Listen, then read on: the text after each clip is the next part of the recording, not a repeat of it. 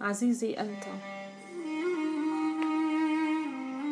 هناك لحظات اشتياق نمر بها في الحياة. لأناس قد يكونون تحت الأرض أو فوقها. لحظات نشتاق بها لشعور لمكان لحالة لموقف عشناه وحدنا أو مع أحد. لحظات كثيرة نريد أن نعبر بها من خلال كلماتنا لكن نجد الحروف قد علقت في الحلق. كتمت. ولا شيء يستطيع إخراجها. لحظات لو لم نقف ساكتين وتكلمنا لأزحنا عن كاهلنا هموم كثيرة. ولحظات لو صمتنا كنا احتفظنا بهم. دوما أرى عند رغبتنا في الكتابة علينا أن نكتب. حتى لو أردنا كتابة رسالة لشخص ما نعم أكتبوها في حينها لكن أتوسل إليكم أن لا ترسلونها في لحظتها لأننا على الأغلب سوف نندم على ذلك. اكتب ما شئت.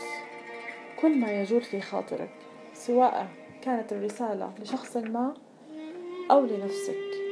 أحيانا كثيرة نحتاج أن نكتب رسائل لروحنا السابقة لروحنا التي لم تجد من يطبطب عليها.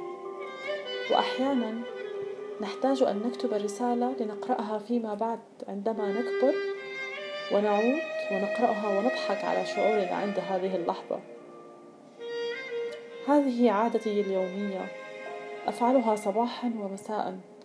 أكتب كل شيء وأي شيء يجول بعقلي.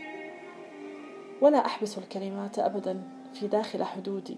أطلقها وأزيح كل هم وفرح وكلمات في داخلي. وأحررها على ورق. ورقاتي هذه هي الأجمل والأغلى والأصدق معي.